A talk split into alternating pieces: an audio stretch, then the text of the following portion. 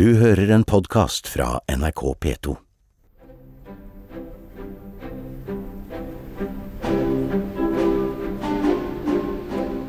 Jungfernsee speiler det vinterlige gråværet.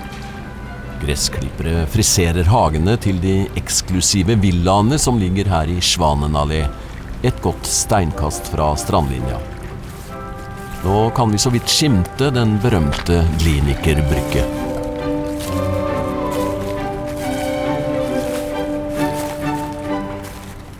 Og der, helt i sjøkanten, kommer den staselige ventehallen til den keiserlige matrosstasjonen til syne, i tømmer og dragestil.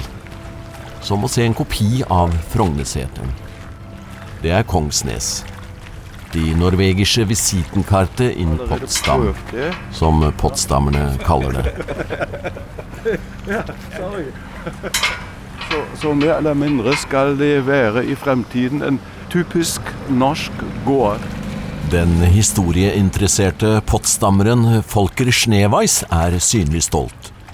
Bygget vi har foran oss ble innviet i september 2019, og han er en sterkt medvirkende årsak til at det kunne skje. Sammen med en rekke andre tyske norgesvenner har han arbeidet i et par tiår for å gjenreise vente- eller ankomsthallen på Kongsnes. Det har han gjort fordi det er et viktig sted i tysk-norsk historie. Det er Europas siste keiser, Wilhelm 2., som etablerte Kongsnes her på grensen mellom Berlin og Potsdam fra 1891 til 1895. Vi skal senere høre mer om keiseren og hvorfor han etterlot seg et norsk avtrykk ved bredden av elva Havel. Dette er jo et, et, historisk område. Vi står og ser bort på Gliniker brygge. Du, du, må si litt om den også. Ja, det var ja uh, grenselinjen mellom den uh, amerikanske sektor av Vest-Berlin etter krigen og den russiske sonen senere DDR, DDR Øst-Tyskland. Så det var ja grenselinjen under den kalde krigen. veldig direkte. Og som du kanskje vet, var det også en utveksling ja. av eh, spioner. Ja. ja. Denne området var ja ikke tilgjengelig verken fra Vest-Berlin, men, men, også ikke fra Potsdam. Fordi det var grenseområde, og den uh, Berlinmuren uh, var ja direkte på den gamle fundament, originale fundamentene av, av ventehallen som, som, ble skadet under krigshandlinger i de siste krigsdager. Ja. Nå står vi og ser på ventehallen som ligger så flott til helt nede ved sjøkanten. Typiske dragestilen. Det er den Norges historiske bidrag for den Potsdamer kulturlandskap.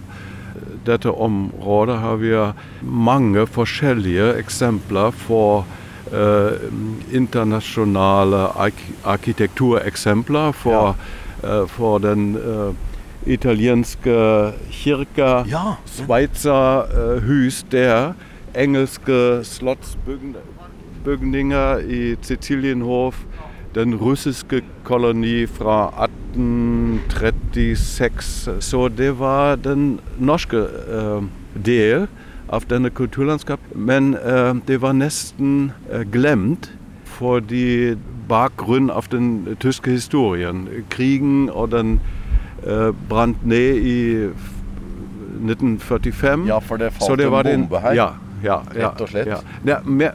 ja, vi synes at det var en beskytt fra den Oh, ja. uh, fra den andre, andre bredden, fra ja. den andre siden der. Da, Nettopp. Da brant, en granat, altså. Ja, brant uh, venterhallen ned. Um, så det var nesten glemt. Etter murens fall var det mulig å uh, huske at det var også en norsk aspekt i denne kulturlandskap. Og i mellomtiden er de til, til og med under UNESCOs eh, beskyttelse, denne, denne området. Ja vel? Ja, ja, ja, ja.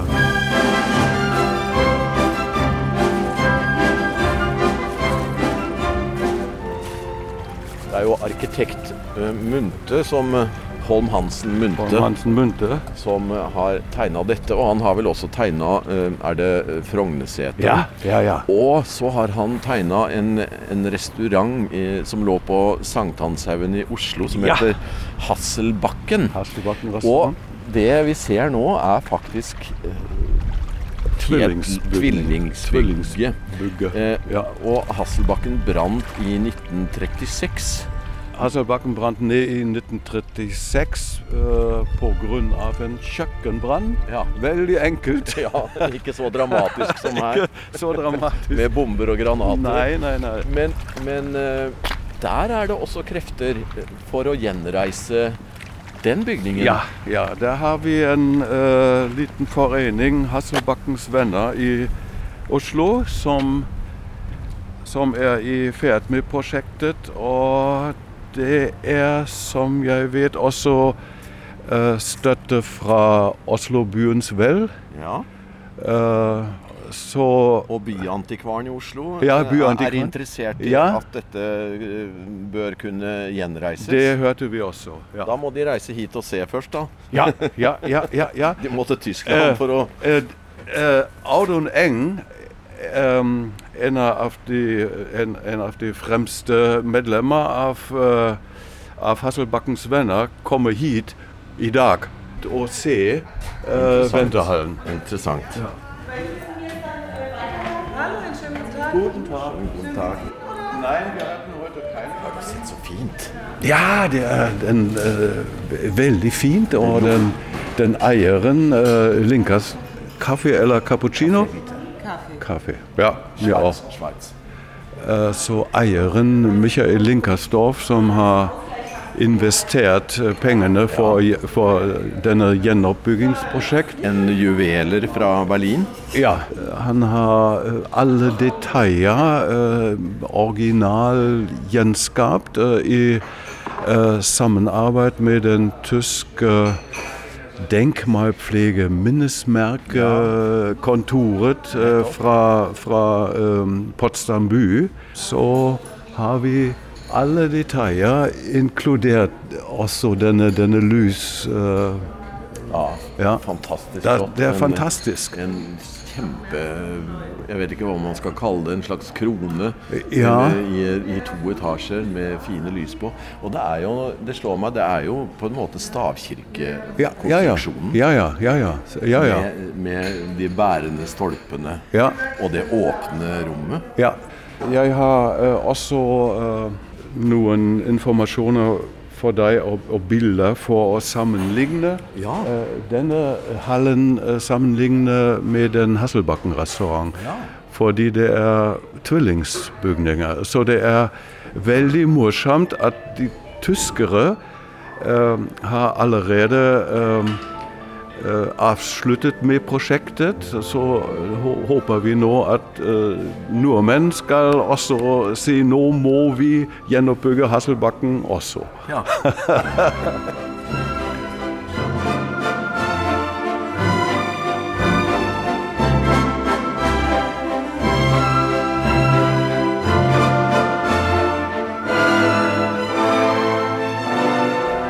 Ja, denne keiseren, han eh, det, Men det var vel ikke bare han som brukte det. Det var vel for eh, lystbåter til eh, den tids eh, kanskje rike mennesker som også benytta dette stedet? Nei. Nei, det var bare han. Bare, bare han eh, sammen med eh, matroser fra Kiel, som var stasjonert her i matrosbolig, og de betjente den keiserlige båter. Eh, det var ikke for, for annen eh, folk. Nei. Det er en god grunn til å reise til Potsdam for, for nordmenn også. Eh, Nå, nå kan de jo også reise hit og, Ja. og få se noe spennende. Ja, Eh, og så har du jo Sanssouci. ja. Sa jeg det riktig? Sanssouci, ja. Ja. Sanssouci. eh, Dette Sanssouci. Sanssouci, Fransk. Det er fransk. Det er jeg ikke så god på. Ut, without sorrows. Uten sorgen. Ohne Ja, sorgen. Ja, uten sorger, ja. Ja, ja. Akkurat. Så enkelt. Et veldig stort, flott uh, slott. Uh, og, så det Og parkanlegg. Og parkanlegg, ikke minst. Ja. Eh, og så er det broa i seg selv som er fin å, å, å se på. Det er jo et kulturminne, det også. Ja. Eh, litt lengre mot Berlin her så er det jo Wannsee, og det, det har jo litt en, en tristere Men også en severdighet, absolutt. Akkurat. Å og, se der eh, Hitler hadde sin eh, Wannsee-konferanse. Wannsee-konferanse, ja, Ja. akkurat. Ja. Så det er mye å oppleve eh, her. ja. Både av fortidens galskap, men også Ja. fremtidens, eller Ja, ja. nåtidens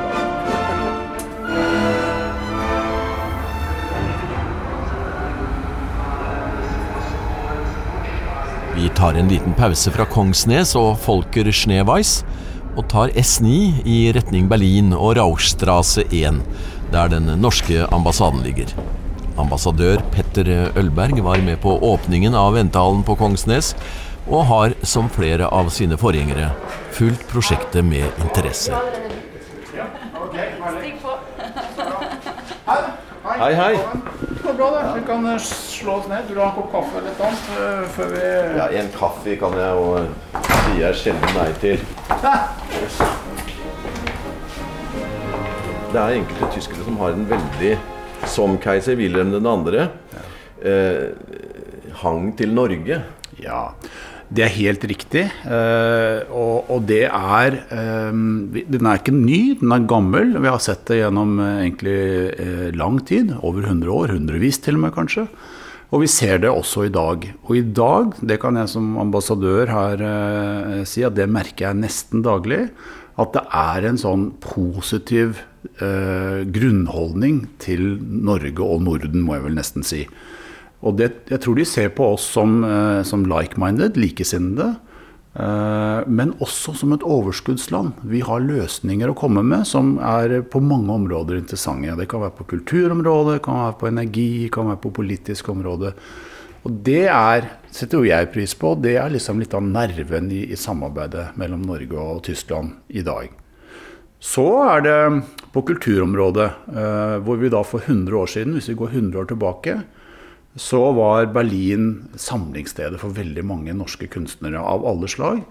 Eh, Vi kan tenke på Munch, vi kan tenke på forfattere og malere og, og i det hele tatt. Alle dro til, ja ikke bare Berlin, men mange til Berlin. Og dette var liksom veien ut i verden.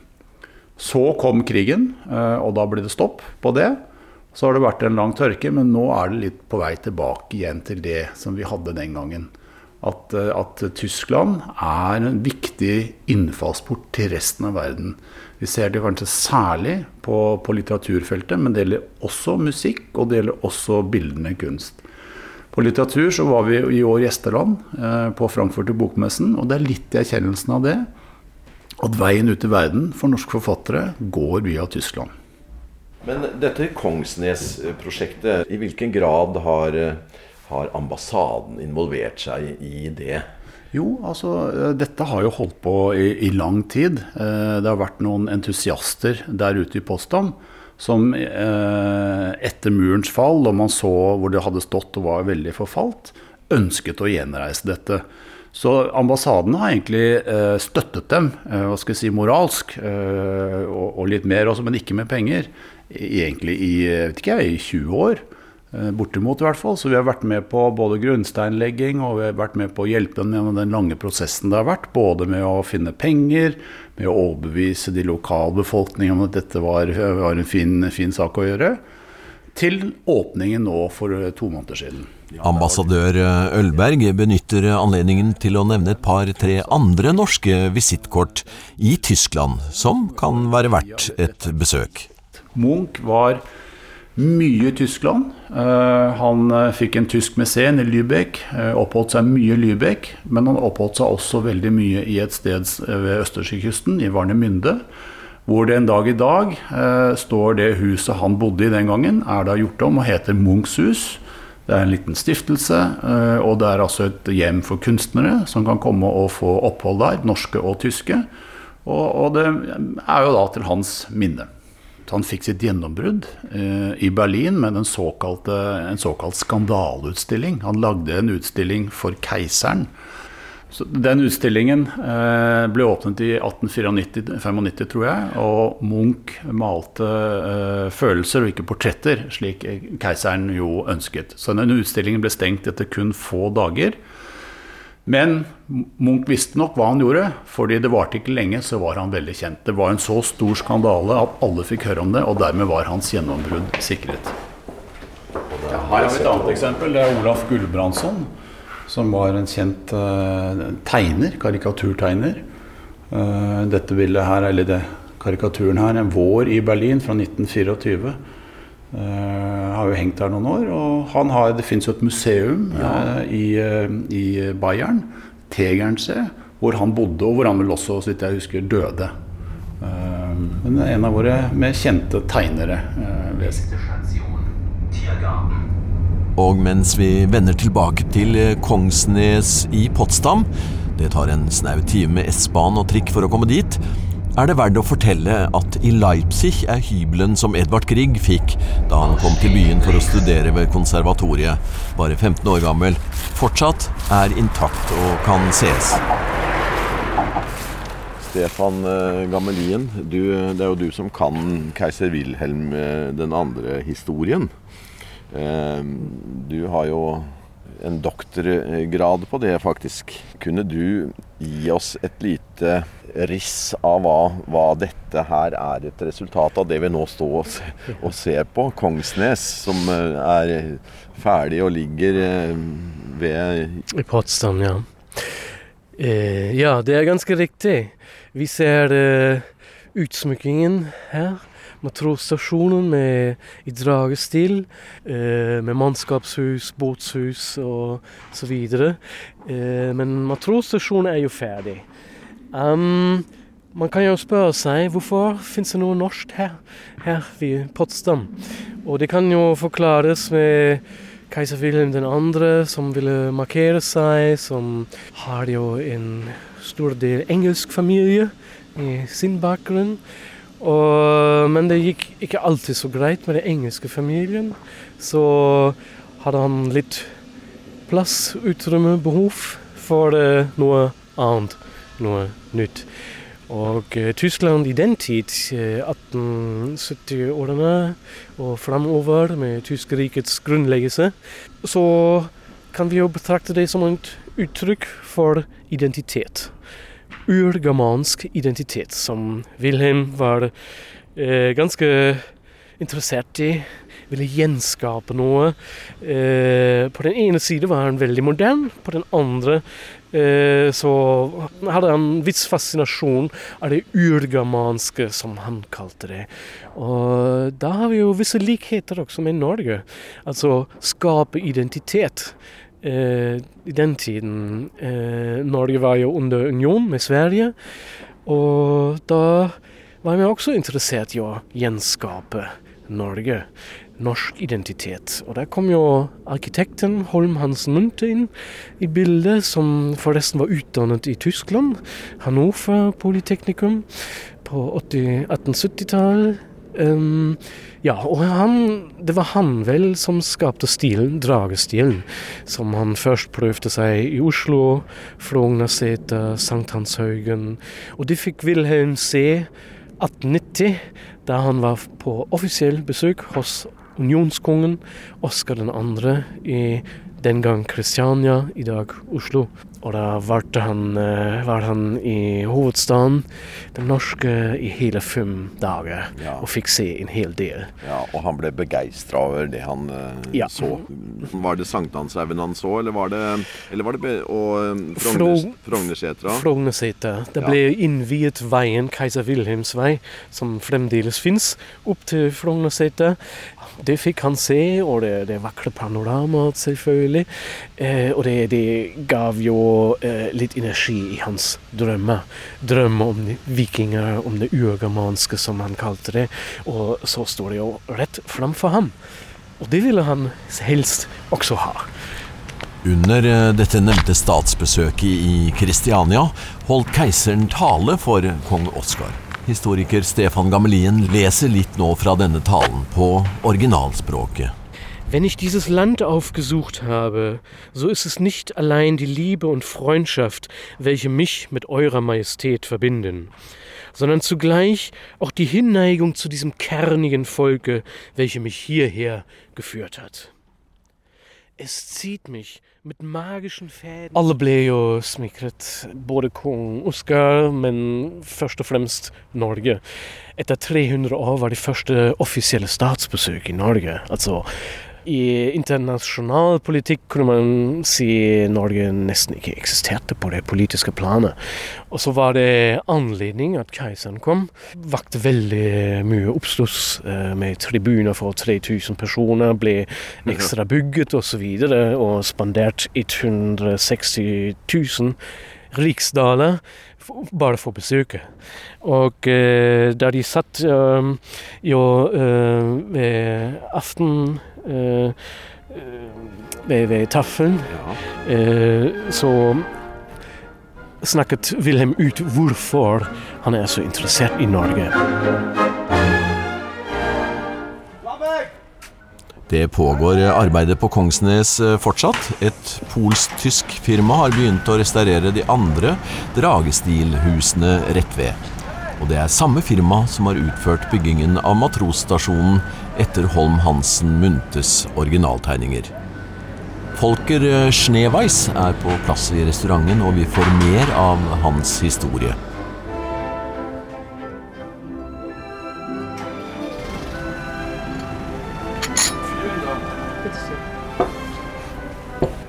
En, en ny møteplass for den norske eh, community i Berlin. Så det håper vi meget at nordmenn skal treffe og snakke med hverandre her på Kongsnes. Og kanskje eh, skal vi ha neste år en 17. mai-feiring her også. Det var hva vi håper. Det jeg lurer litt på, eh, det arbeidet i den foreningen som allerede fra 90-tallet eh, med dette prosjektet. Eh, Er det derfor du har lært deg så bra norsk? Ja, det er grunnen. ja, ja. Jeg kjenner jo også en, en, en kvinne, Gudrun eh. Niemeyer. Ja, ja. Samme sak der. Ja, ja. Og en norgesvenn av eh, rang. Ja, ja, ja, ja, det er absolutt riktig. Gudrun er en uh, medlem fra den, um, av foreningen fra den første dag, og vi er uh, i veldig gode forbindelser til nå. Ja. Ja, da har vi denne modellen brukt fra, i, i målestokk 1 til 10. Ja, Og vi har, eh, akkurat nå er vi i forhandlinger med Oslos Bumuseum. At vi skal, eh, at vi skal bringe den, dette modellet til Bumuseum i Oslo for å inspirere folk og gjenoppbygge Hasselbakken også. Kulturell nødhjelp til, ja, ja, ja. Norge. ja, ja, ja, ja, ja. ja, ja,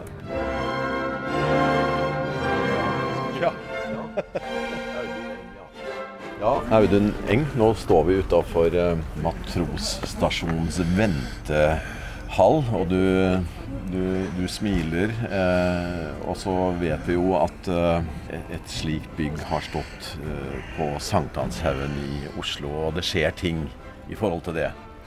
Ja, keiser Wilhelm var i Oslo, og han var på Frognerseteren og fikk lyst til å bygge noe lignende her i residensbyen eh, Potsdam.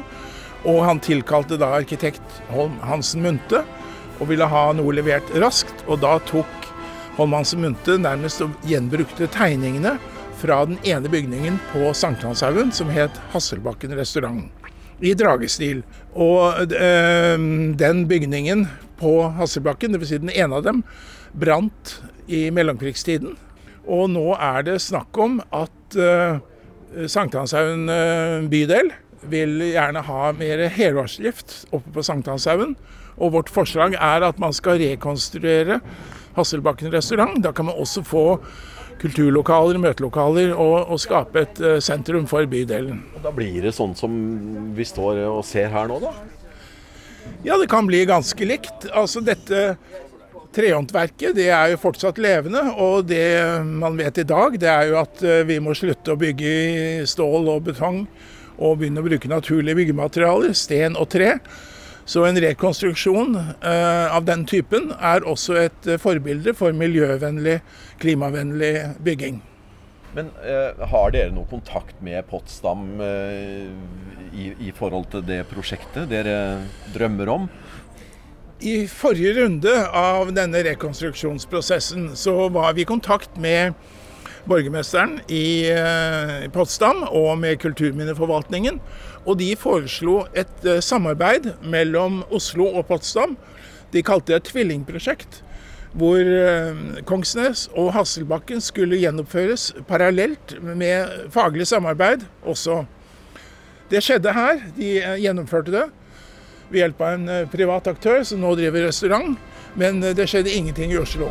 Og nå, nærmer seg 15 år senere, så er det på tide at vi gjør dette også i Oslo.